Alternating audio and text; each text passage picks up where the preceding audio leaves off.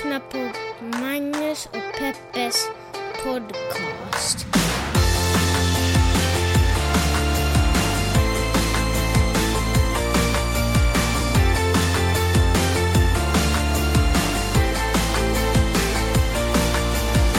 Ja! Då är vi tillbaka i era öron och jag är så himla tacksam för att ni är med oss. Jag är så himla tacksam för att ni prenumererar på vår podd, både så att ni ser till att ni alltid får avsnitten i era telefoner varje vecka, eller två gånger i veckan när vi, när vi publicerar dem. Men också att ni betalar för den här podden. Det är ju fantastiskt. Tänk på, för bara 2,80 euro så får man upp till åtta avsnitt i månaden av eh, fantastiskt innehåll måste jag ändå säga, fast jag säger det själv.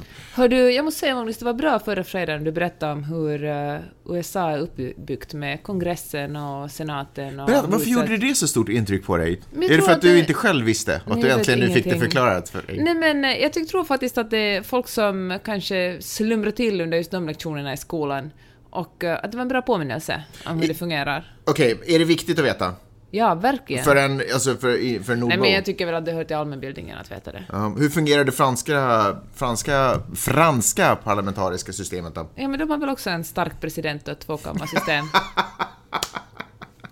Who gives a S? Men i det här fallet så var det väl lite relevant, nu minns jag inte riktigt vad vi pratade om då. Men det jag skulle säga är, gå in och betala för avsnitten. Eh, ni gör ju det naturligtvis genom att betala månatligen för 2,80 cent. Gå in på janetteopman.com eller gå in på vår Facebook-sida och klicka på länken eh, Köp nu, eller vad det nu heter, på det språket ni befinner er i. Oj, oj, oj, Peppe! Farsta! Och varenda gång jag säger Farsdag så känns det som att jag säger Farsta, alltså förorten i Stockholm. Eh, det är inget stort problem för mig. Jag vill bara att du ska veta att det är oftast de associationerna jag gör. Jag har börjat känna att eh, farsdagen har blivit eh, viktigare för mig. Jag märkte det igår. Det påmindes flera gånger om vilken dag det var. Ja, det har ju inte alltid varit så. Eh, Dels kanske också för att jag inte alltid har varit pappa. Men det är någonting också i den här nya revolutionen där vi lär oss att respektera varandras kroppar och varandra som människor. Eh, så, så känner jag att den har en roll. Många, på Facebook och sociala medier överhuvudtaget så tycker jag ofta att läsa sådär, ja, eh, det blir lite deppig stämning och ska man nu fira Farsta och lite sådär, eh, och, och en del papp... Va? Vad snackar du om nu? Känner inte du igen det? Nej. Alltså du menar folk som har varit missnöjda med sina pappor? Ja. Så du tänker att du vill vara en... Tar, tar den här dagen tillfället i, tar tillfället i akt den här dagen, eller den dagen som var då, att berätta hur missnöjda de var med sina pappor.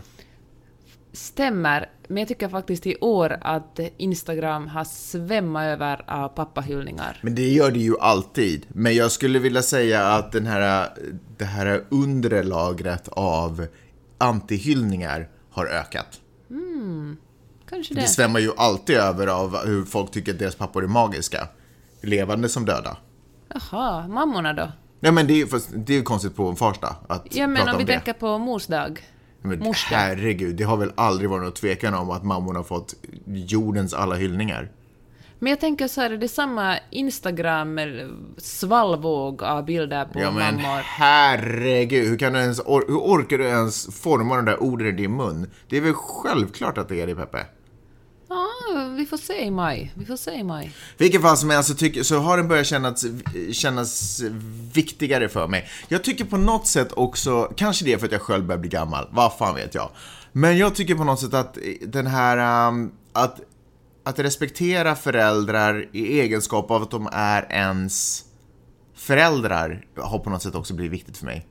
Att de har gått igenom skit för att du ska komma till den plats du är Ja, idag. kanske lite så. Någonting sånt. Jag känner faktiskt också att jag är mer förlåtande mot mina föräldrar. Mm. Jag menar i tonåren och kanske i 20-årsåldern så var man mycket hårdare mot dem. Men då fattade man ju inte, så det är liksom så. Men det är det jag menar, nu förstår man att de har också haft sina ok att bära. Men graden av hur odräglig en unge är, hur odräglig jag uppfattar en unge som beter sig illa mot sina föräldrar, är ju liksom nu, finns ju inte ens, går ju inte ens att mäta längre för det bara skjuter ut ifrån eh, mätinstrumentet man använt. Eh, till exempel om något barn står och skriker eller säger så här ditt jävla as eller vad det nu kan. Alltså du vet överhuvudtaget hur man bara, hur ett barn tilltalar sina föräldrar reagerar jag på ett helt annat sätt nu. Du bara respekt. Ja, men jag skulle all... Nej, men jag tycker det. Det låter ju... Det är ju inte ett...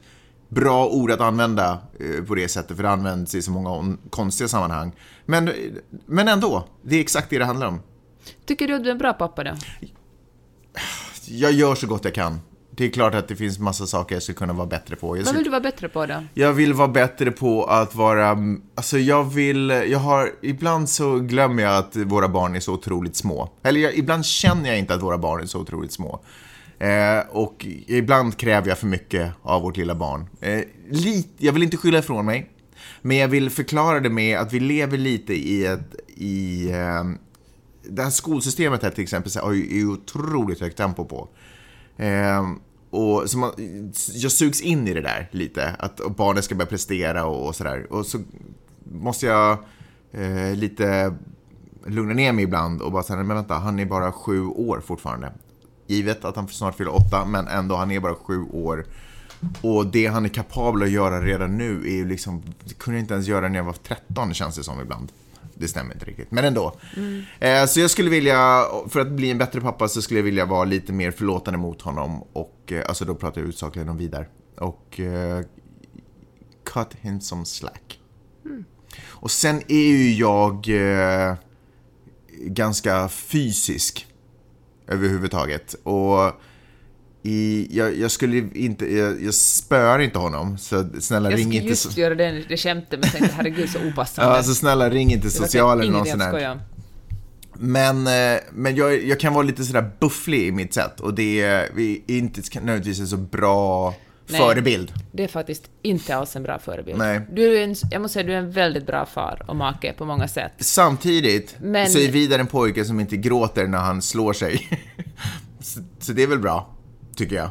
Det är liksom dig han har tackat för det. Ja, det är det. Nej men vet du, jag tänker pappor genom livet har verkligen eh, hotet om pappans våld, vare sig det är liksom fysiskt eller verbalt, håller ju folk på mattan. Det håller ju kvinnor på mattan också och, och liksom äh, arbetsplatser på mattan. Hotet om mannens våld. Och som liksom aldrig kanske behöver komma ut, men det finns där. Om du inte passar dig så kan jag explodera eller så kan jag bli fysisk. Och det är väldigt obehagligt. Det är sant. Men vet du varför det har varit ett, ett hot om våld också? Därför att det aldrig har rätts ut sen, utan det har alltid varit bara skriket och sen så har det liksom... Sen så har det inte pratats mer om det. Och där skulle jag ändå vilja sätta en fjäder i, mitt, i, i min egen hatt, att jag har förklarat för Vidar att det här är inte, att jag höjer rösten och låter arg, är inte för att du riskerar att få stryk, utan det är för att få din koncentration. Därför att när jag säger snällt till dig och när jag bara pratar vanligt till dig så tror du... Så, så antingen så lyssnar du inte eller så upplever du inte det som så viktigt när jag säger det. Och Men därför jag så tänker att höjer... det alltid måste finnas ett annat sätt. Alltså, Nej men jag, ser, jag tycker inte att det är Ja, fel. men det enda gången man skriker åt en annan person är när den promenerar på gatan och håller på att få ett piano i huvudet och man vill att det ska ta ett steg åt Ja, sidan. men det här är grejen. Om, om, man inte, om man inte förstår den koden så då kan han ju stå och skrika hur mycket som helst och han kommer ändå promenera rakt ut. Jag tycker det är viktigt att man lär sig de koderna för, alltså det är ju för att jag ska kunna skydda honom. Ja, jag tycker inte man ska skrika på folk. Men, eh, och det var nu inte exakt det jag menar heller. Men jag menar skriker bara inte på det här, folk, det här Nej. handlar ju om mitt eget barn. Ja, men nu talar vi inte bara om dig, utan bara ett sånt manligt drag att gå omkring och hota med våld. Ja, fast för Det liksom, jag har också haft den där mannen på arbetsplatsen som man vet att han kan explodera och liksom herregud vilken utskällning man får då vare sig man är skyldig eller inte Men skyldig. det är, en annan, det är ett annat drag. Ja, men det är nog ett pappadrag också det där. Att man måste tassa lite noggrannare med pappan, för pappan kan explodera Nej, jag, jag, ty, jag tycker faktiskt att det är två olika saker. Jag tycker att problemet är att ingen av de här har kommunicerats korrekt, eller alls. Och därför så har man slagit ihop dem i en och samma bunt av högljudda män. Men jag tycker att det är helt två olika saker. Män som utövar dominans på, på sina arbetsplatser är en helt annan kategori av... Men de finns ju bara, det finns överallt. Alltså, Jo, men att jag höjer rösten mot mitt barn är inte samma sak som om jag höjer rösten på ett jobb. Det är inte samma sak. Ja, jag tycker inte. Jag tycker man ska undvika så långt det går att höja rösten. Vare sig det handlar om barn eller vuxna. Det tycker naturligtvis jag också. Min ambition är naturligtvis att vidare lyssna på mig utan att jag höjt rösten. Men om man inte lyssnar på mig så måste jag höja rösten för att få honom att vakna till. Det är det enda alternativet. Ja, för, annars kommer han, andra alternativ. för annars kommer han vandra ut en vacker dag på gatan när det kommer en bil och inte lyssna på Eller mig. så är han så van att du skriker på honom att han inte ska bry sig om det. Nej, det stämmer inte. Det stämmer inte. Kanske det stämmer. För vi pratar, nej, för vi, vi pratar om de här sakerna. För han tycker inte heller att det är roligt och när jag höjer rösten till honom. Och det har ju lett till att när vi till exempel har promenerat upp till skolan eller annars har något ögonblick för oss själva i anslutning till en sån händelse. Så brukar han säga, så, säger, så tar han upp det kanske, eller så tar jag upp det, eller så tar vi båda upp det. Och så säger han till exempel att jag tycker inte om när du, varför måste du låta så arg när du säger saker och ting till mig? Och då förklarar jag, då får jag ett perfekt tillfälle att förklara varför jag vid det här tillfället höjde rösten. Men det är en sak att vara sträng, en annan sak att skrika på en unge. Nej men skri... Vänta, då måste du lite prata om vad du menar när du säger skrika. Nej men visa sig hota med en röst, hota med rösten. Hota med rösten. Ja. Men hur är det, varför är det farligt? Ja men det är otroligt obehagligt. Det kanske inte Det är klart att det är obehagligt för dig. obehagligt, men varför är det farligt? Därför att du är i en sån maktposition. Men Så varför du är- behöver inte, nej för du behöver fattar. inte, nej för det är otroligt obehagligt. Det är liksom hunsar folk. Man blir liksom illa till mods när någon skriker på en. Men det tjänar ju ett fattar att syfte. ibland det är ju- kommer det ju ur att- en, men det det handlar ju- om att rädda honom. Nej tvärtom. Det är rädd, Vad så sårar inte mina känslor, men han är ju på väg ut mot ett stup. Liksom. Då sa jag, då kan du skrika åt honom. Men Ja, inte men- räkna matte, då håller du, räddar inte hans liv när du räknar matte med honom. Nej, men det handlar ju om att få honom att fokusera. Att få honom att snappa tillbaka till verkligheten för att någonting behöver göras nu. och vi kanske no, inte men, har vet du, all det här blir jättetråkigt för alla som lyssnar, jag håller inte alls Jag, med ty- dig. jag tycker inte alls att det är jättetråkigt. Jag tycker det är superintressant. Jag tycker att, att det, det ligger så otroligt mycket eh, tabu och stigma bakom bara för att en man höjer rösten. Men du sitter där som en stor vit man och säger att, Nej, att det ligger stigma vänta, i att vänta, han är vänta, vänta. mycket han, mindre än han du. Har, för det första har han inga hudfärgs... Eh, han kan inte göra de associationerna. Det, det är liksom inte... Varför suckar du för? Nej, men tror du inte man kan vara rädd för en man utan att kunna göra en klass eller... Men eller, varför okej, är det din farligt? hudfärg här kanske... Därför att det är otroligt obehagligt. ja, men är det farligt? Jo, det är ja, man blir hämmad. Nej, det blir han inte. Men herregud, jag tycker... Okej, säg ur mitt perspektiv. Som, vadå ja? Och himla med ögonen. inte går jag heller omkring och är rädd för det, men jag tycker det är så jävla irriterande med män som håller på och skriker och Men jag härjar. För det är skriker ju väl ett inte åt sätt dig? Att, nej, det gör du faktiskt aldrig. Nej. Men det är ett sätt att visa... Det är ett våldsamt sätt och det finns alldeles tillräckligt mycket våld i världen. Nej, det är inte ett våldsamt sätt. Jo, det är det Nej, faktiskt. det är det inte. Att skrika att någon är våld. Det må vara... Nej, det är det inte. Ja, det är det. Nej! Men herregud, du går vi skrika vidare. på mig. Nu går vi... nu går vi pratar vi om andra saker. Han inte ens frågat dig hur din vecka har varit. Du jobbar ju som ett djur med att färdigställa den här uh, Hanna och Amanda-boken tillsammans med dem naturligtvis. Hur går det? Ja, det går bra. Det är alltså väldigt mycket jobb måste jag säga. Mm. Men, eh, men det går väl. Alltså, det går väl. Jag lär mig ju en massa saker. Ska jag berätta något som jag lärt mig? Ja. Till exempel ska man, eh, för att hålla ett förhållande vid liv, ett långt förhållande, Mhm. så ska man eh, tänka så här. En kväll i veckan, en helg i månaden, en vecka om året. Vad skrattar du? Därför du ger mig just ett tips från Hanna och Amanda. det var väl inget jag skrattade åt. För mig är det det. Ja, ja, ja. Och då ska man alltså, man ska dejta den man är gift med, ta liksom, skaffa barnvakt och gå ut tillsammans och vara romantisk och... Och vet du... Um, Mm, that's some true shit right there. ja, Det är härligt.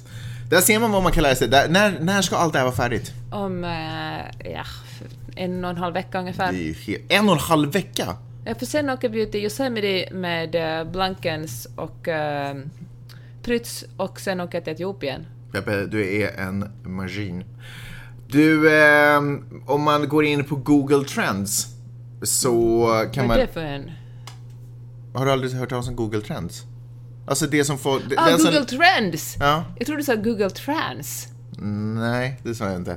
I alla fall, där man får reda på vad, får, vad som är populära sökningar just den här tiden. Så då kan jag säga så här att i USA just nu så toppar på liksom topp fem handlar nästan uteslutande om eh, kvinnor som fortfarande kommer ut och berättar om eh, sexuella trakasserier de har utsatts för och eh, mer och mer har det nu blivit att rikta anklagelserna väldigt tydligt mot andra män. Någonting som vi är lite räddare för i Sverige. Varför tror du att man är så mer modig att göra det? Eller varför är man mer benägen att göra det i USA? Jag tror att, du, att eh, Sverige är lite mindre. Är det för att stjärnorna är så pass mycket större så att det finns verkligen... Och så tror jag också att eh, Ja, jag tror att eh, det på något sätt är rullning just nu i USA. I och för sig nu är ordentlig rullning i Sverige också. Mm. Nu var det ju ett, nu vet inte hur många, drygt 600 kvinnor inom musikbranschen som gick ut och sa metoo. Ja. Och eh, däremot, klipp till Finland, rullar en bit tumbleweed över Alexandersgatan. ja.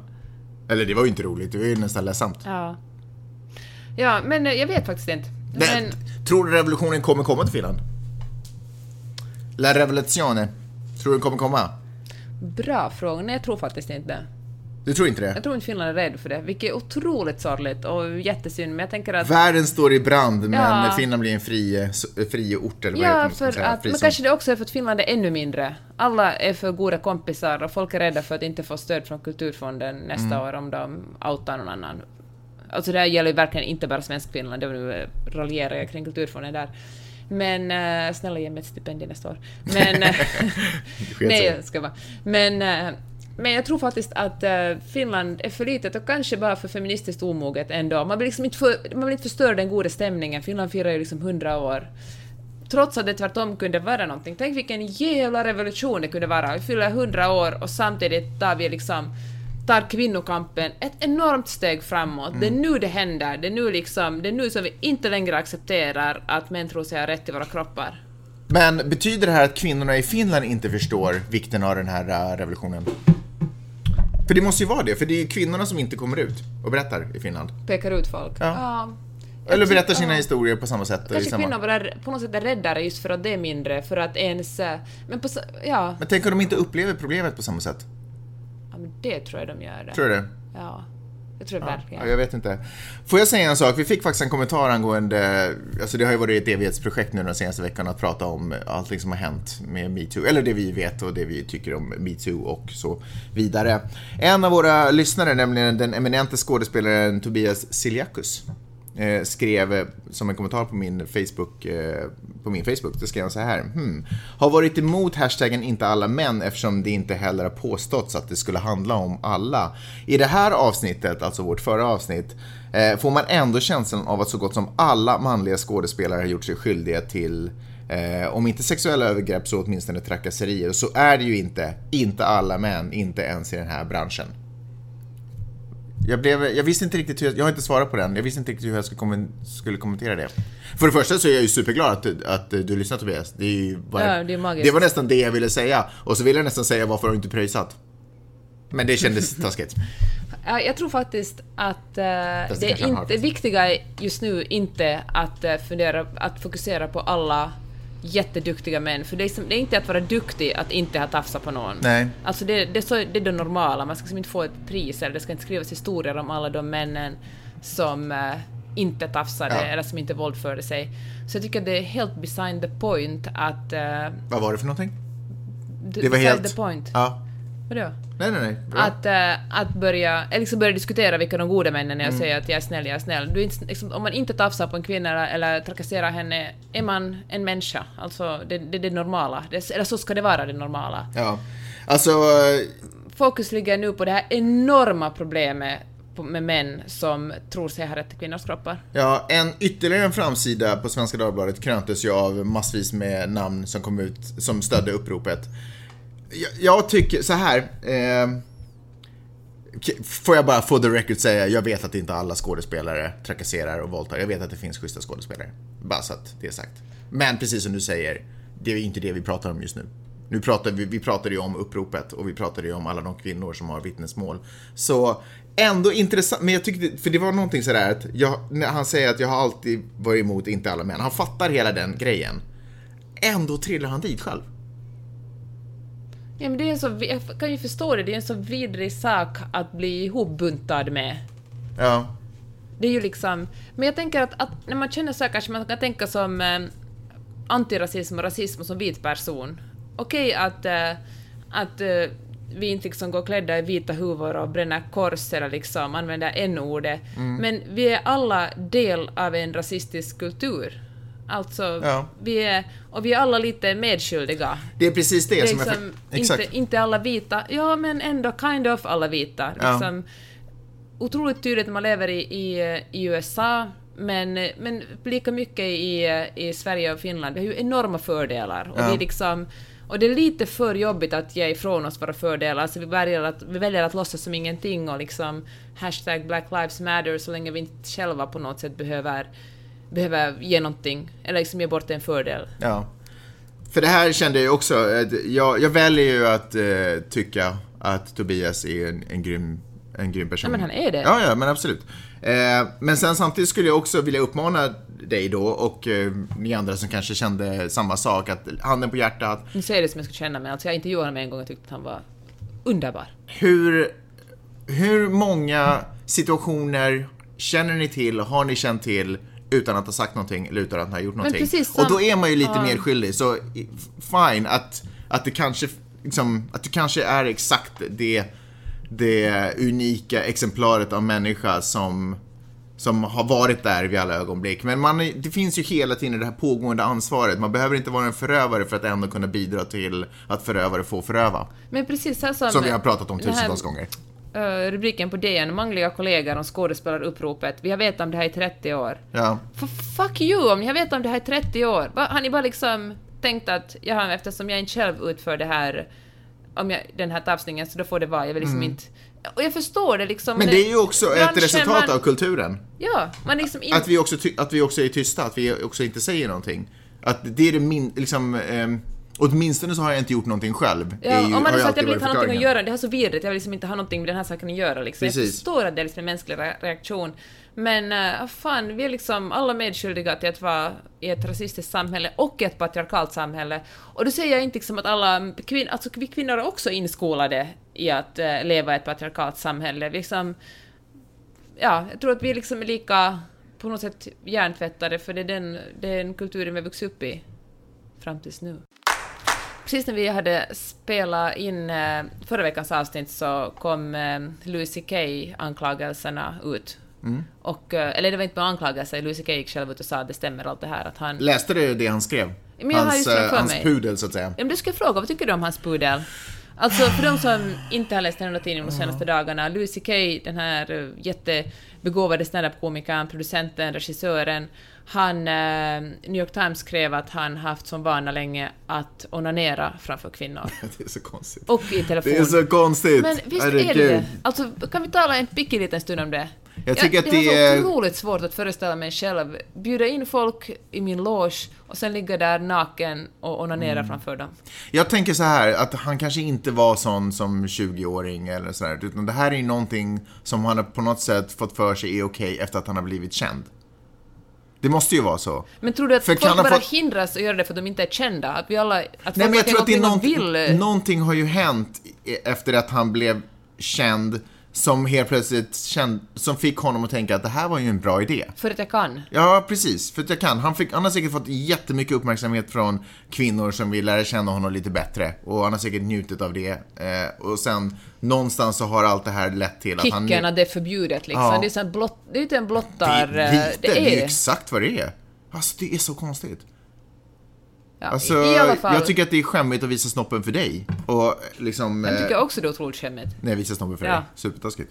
Eh, men att man, nej jag vet inte, jag, jag är liksom, jag skulle inte säga att jag beundrar det, för det gör jag naturligtvis inte. Men alltså jag är fascinerad av det där mordet.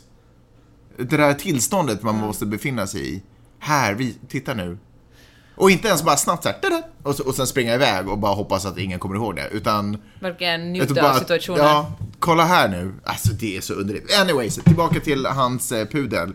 Vad ska jag säga? Jag tycker att ehm, jag tycker att den var clean och den var korrekt. Vad skrev han då? Han skrev det är sant, allt som, säg, allt som sägs. Eh, och egentligen också det att ehm, att jag har förstört, jag, jag på något sätt fick för mig att man kunde, jag, strid, ah, jag, jag gör inte det här rättvisa nu, ni måste nästan gå in och läsa den, eh, finns på New York Times.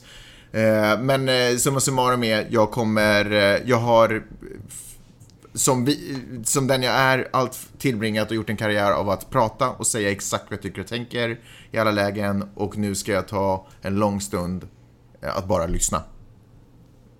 Thank you. Och så bara om ursäkt till alla produktioner som är igång som man har förstört nu och eh, agent eh, som han har haft vars, liksom, som har försökt försvara honom naturligtvis och kanske till och med ljugit lite för honom. Har han bad om ursäkt. Att Det går de, ju snabbt nu. HBO tog ju bort alla hans, eh, allt från alla hans TV-serier. Det enda som är kvar är FX Better Things med Pamela Adlon som han har jobbat mycket med. jag hörde producent. ingenting och så, din tunga hann inte alls med det. Vad sa du för någonting? Jag sa att HBO har tagit ner alla TV-serier han medverkat i. Mm. Förutom Better Things, som är en superbra serie som han producerar tillsammans med Pamela Adlon. Men eftersom Louis CK inte längre syns, eller inte längre, Nej, han nej, aldrig syns i den, så finns den kvar. Och den är superbra. Jag vill passa på att tipsa om den. Vill du Men- tipsa om den fast Louis CK har varit med och gjort den? Ja, men Pamela Adlon är ett geni, så otroligt bra. En liksom, eh, och han, men uh, Louis CKs film I Love You Daddy, som handlar om en väldigt ung kvinna, en tonåring, som har ett förhålla, förhållande med en väldigt gammal man, skulle ha premiär, haft premiär dagen efter att de här anklagelserna kom ut och eh, den drogs, igen, drogs tillbaka och han annullerade ju hans alla han skulle gästa Late Night Show för att tala om den här och det, han, jag vet inte om det var han som annulerade de här uppträdandena eller... Anywho's. Han hade Men- säkert gjort det. Jag tror inte att han vill gå in på National TV när den här stora nyheten är ute. Nej, men jag tänker så här, det är, han, han sa ju också i, det här, i den här pudeln sa han att han trodde att om han frågar så här, får jag onanera framför dig? Och kvinnorna inte svarade någonting, eller någon till och med sa okej, att det var consent, att det var liksom, de tyckte att det var okej. Nej, han sa att han, han, att han nu på något sätt förstod att även fast de sa, gav ett consent så var han i en så pass maktposition att, att det liksom... Han, han, han, han backade nog på allting. Jag menar, så här, så här tycker Men, jag. ja. Vad spelar det för roll? Så här, han, jag tycker att han gjorde de viktigaste sakerna. Jag säger inte att allt är förlåtet, att det är bara fortsätt göra film nu, för nu är allting lugnt igen. Det är klart att... eh, Men, men han har ju också, alltså effekten är ju korrekt. Filmen lades ner och han drar sig tillbaka. Boom, det är men- där. Men det han gjorde var ju viktigt var att han tog på sig ansvaret, tycker jag. Och att han bad om ursäkt. Och att han drog sig undan. Fast jag tycker inte vi ska hylla honom för det, för det är ju, det är ju som Nej, att, men det är väl- ju den- nej. För att jag, folk har varit så här, Fast vänta, "Åh, vad varför bra." inte? Kan man inte hylla För- folk som gör bra beslut? För att han har inte gjort något, han har ju varit as. Är det nu han fattar vad som konsent är? Är det nu han Nej, förstår att ah, nej, nej, men- kvinnor kanske tycker det är obehagligt att jag onanerar från dem? Först när han liksom åker fast. Folk Nej. är så otroligt snabba på att gå i terapi och det ena och det andra så fort de åker fast. Före det så, ah, inte så mycket. Nej, men visst, så är det ju. Så jag tycker att, vad fan, okej, alltså varför ska vi hylla? Alltså, Nej, men vi behöver inte ingenting hylla- att hylla honom för. Nej, men vi behöver inte hylla honom. Vi är bara så svältfödda på Fast männen är ju som s- verkligen tar det här ansvaret. Vi är bara sådär Wow. att åh, wow! En man som uppför sig som en eh, hederlig människa när han åker fast. Då, tack så mycket, duktig du är. Fuck you, du är inte alls Ja, duktig. fast samtidigt, så det du gör just nu, det är... Alltså... När, när någon har lagt sig ner på rygg, visar, blottar strupen, då behöver man inte springa fram Ja, dit och tro i att man är ett tufft rovdjur. Bara, Åh, Nej. där, du, du ska. Han har gjort nu, han har backat undan, dragit sig undan, så Ja, men i bra. det brevet han skrev var han ju väldigt noga med, Nej. med att poängtera hur framgångsrik han är. Han skrev Ja. fyra, fyra gånger, man säger så fram, det går så bra för mig, jag är så framgångsrik, Ja, fast det var ju också... Men vänta nu här, det var ju... Okej, okej, okej. Fröken no, Miss Know-It-All. Hur skulle han ha gjort det? Skulle, hur skulle det här gå till? Han kunde ha redigerat det där brevet. Han kunde ha gjort det, han bara... Han kunde ha skrivit... Vad skulle det- han ha skrivit? Nu var det ju sådär... Um, men fan, pausa så tar vi det från förra. Så här står det bland annat. The fact that I was widely admired in the victims community disabled them from sharing their story and brought hardship to them when they tried because people who look up to me didn't want to hear it. Ah, att han nu inser det, att han liksom på den tiden tyckte att det var helt okej, men nu efteråt inser han att ah, jag var ju faktiskt så berömd och, och folk beundrar mig så mycket att eh, de kanske inte vågar säga Men till. gud, du vill verkligen läsa hans ursäkt ur den mest negativa synvinkel du bara kan. Men jag fattar att det är svårt att eh, en, så, en så beundrad och älskad komiker som Lucy Kay, det, känns, det kanske gör illa i dig när han faller. Men jag tycker Nej, det är ju inte alls vi illa ska- i mig när han faller. Nej, du behöver inte larva tycker- dig. Men man kan ju ändå se, alltså om en, om en, kolla här. Om en person har gjort någonting fruktansvärt dåligt, sen ber om ursäkt för det och allting tas ifrån honom. Allting tas ifrån honom. Han kommer att komma tillbaka. Han gör det Ja, här men nu! Men nu! Han ber om ursäkt, han erkänner sitt brott, allting tas ifrån honom och han backar undan. Vad, vad mer kan man begära? Ja, jag tycker den var lismande, hans, hans, hans brev. Nej, det, det, tycker jag inte. Men jag får väl tycka vad jag vill. Återigen, vad skulle han ha gjort då? Du svarar inte på det, du sitter bara och Han hittar kunde fel. ha skrivit mycket, han- mycket Som- kortare. som Istället sa för att skriva hur berömd han är och han inte insåg att ett nej betyder nej och att han inte insåg hur, hur kränkta kvinnor kunde bli på den tiden. Fast Kunde här säger han väl egentligen att på grund av sin berömdhet, han inser att på grund av sin berömdhet så Nu- betyder ett ja ett nej. I efterhand, ja. Men, det, Ja, men i det han efterhand, inte. givetvis i efterhand. Men han tror inte... Men tror, tror du verkligen han stod där och onanerade och var sådär, de här kvinnorna vill se det här? En del i kicken är ju det att kvinnorna inte vill vara där, de är obekväma. Alltså, självklart. Men han ber ju om ursäkt, jag förstår inte. Varför? Men gör det, gör det ordentligt då. Gör det inte sådär, du behöver förklaring behöver- hit och förklaring dit. Gör det liksom, gör en clean ursäkt då. Säg Men- jag var fucking en idiot, jag njöt av, att, jag njöt av att inte få samtycke. kommer ingen vart med dig idag. Hej! Har du frågor och kommentarer så kan du mejla min mamma och pappa på Magnus och Peppe snabel A, gmail.com. Gör det!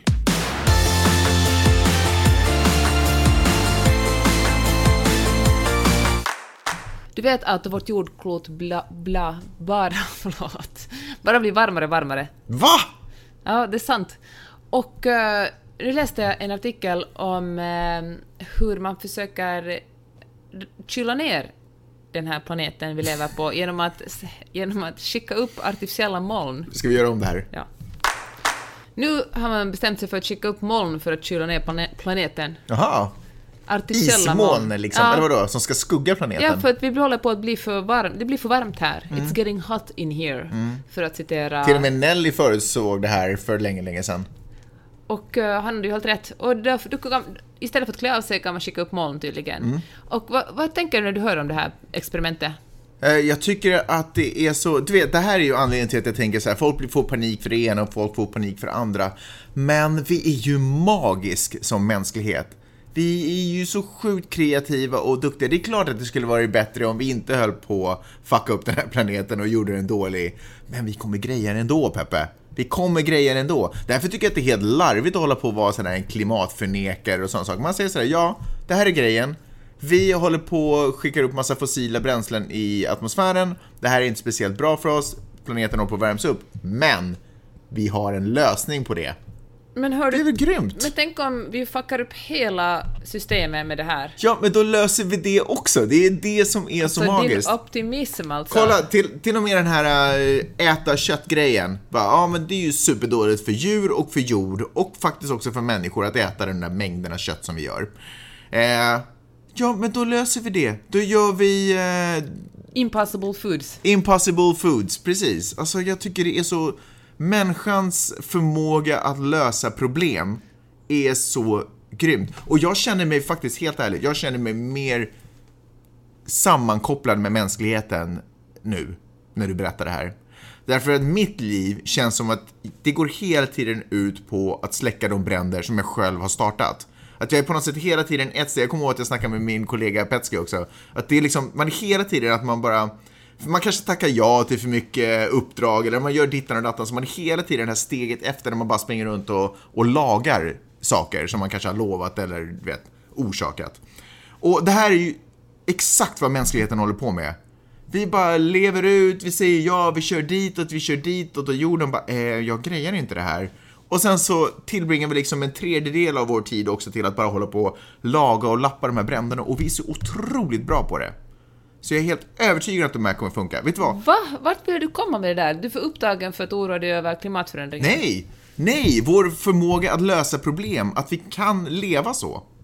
Vi kan leva så att vi löser, att en del... Så du tycker att man ska bara fortsätta flyga på och liksom... Men jag börjar känna lite det. Varför inte? Varför inte? Allting kommer fixa sig. Ja, Hallå? Ja, ja, Hallå? Ja, hallå. Jag Därför att vi är så otroligt duktiga på att upptäcka, ja men det är klart att det är bättre om vi chillar lite, jag, jag fattar det också. Jag försöker inte säga att gå ut och kissa på eh, barriärrevet så mycket ni hinner, det är inte det jag säger. Men jag säger bara att, var inte så oroliga, utan det kommer lösa sig, inte av sig själv.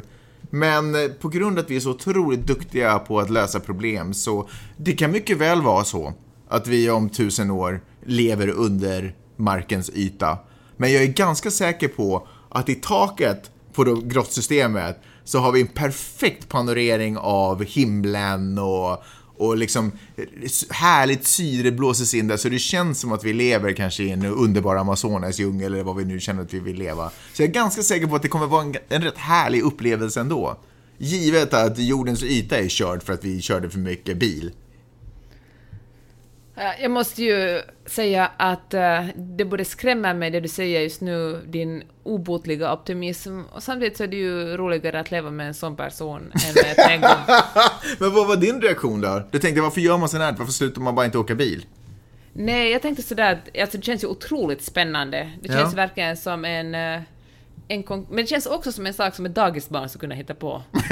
bara, hur löser vi det här med eh, uppvärmningen? Gör mer moln! man bara, okej.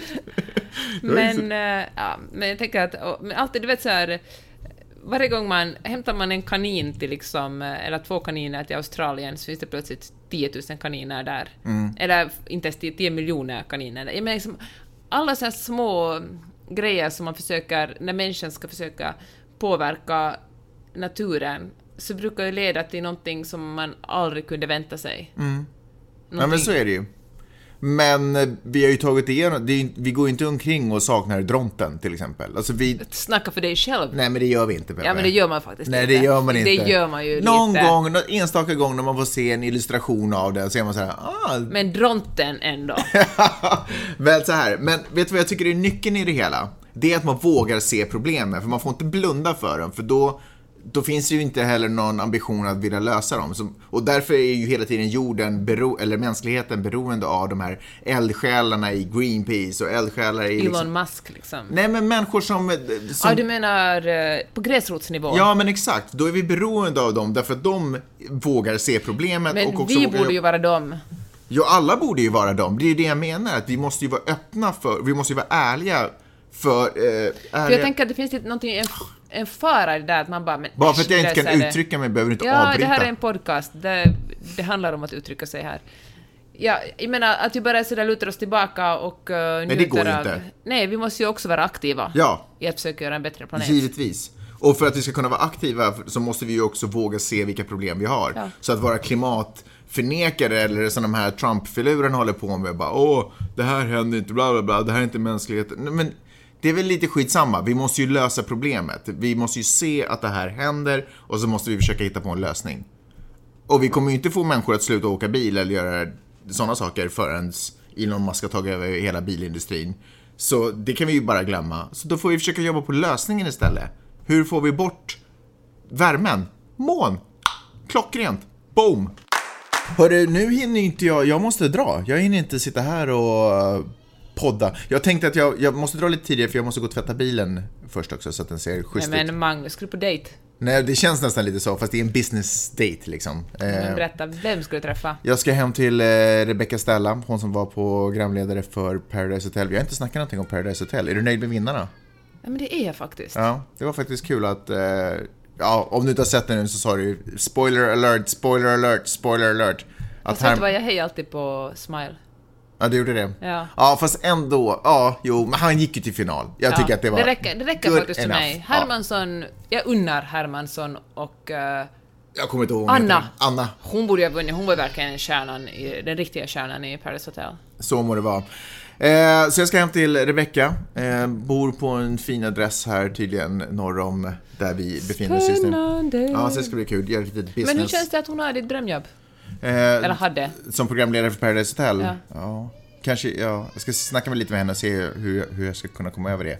Fast jag vet ju faktiskt också från inside-källor att de vill ha kvinnor som programledare för det där programmet. Så jag kommer nog alltid vara stekt. Enda chansen för mig att få synas där är att vara deltagare. Eller kvinna? Och du vet, eller kvinna, precis. Anyways, eh, vill du, har du något sista du vill styla med? Nej. Du vill inte säga någonting om att du fick ett textmeddelande från Jill Johnson i morse? Nej? Nej, men gillar jag vi textar ju hela tiden. Ja, det verkar lite så. Var det så att du blev bjuden till hennes gig också? Ja, ja. Töntigt. Tack så hemskt mycket för att ni har lyssnat. Du skäms lite, det är roligt. Ja.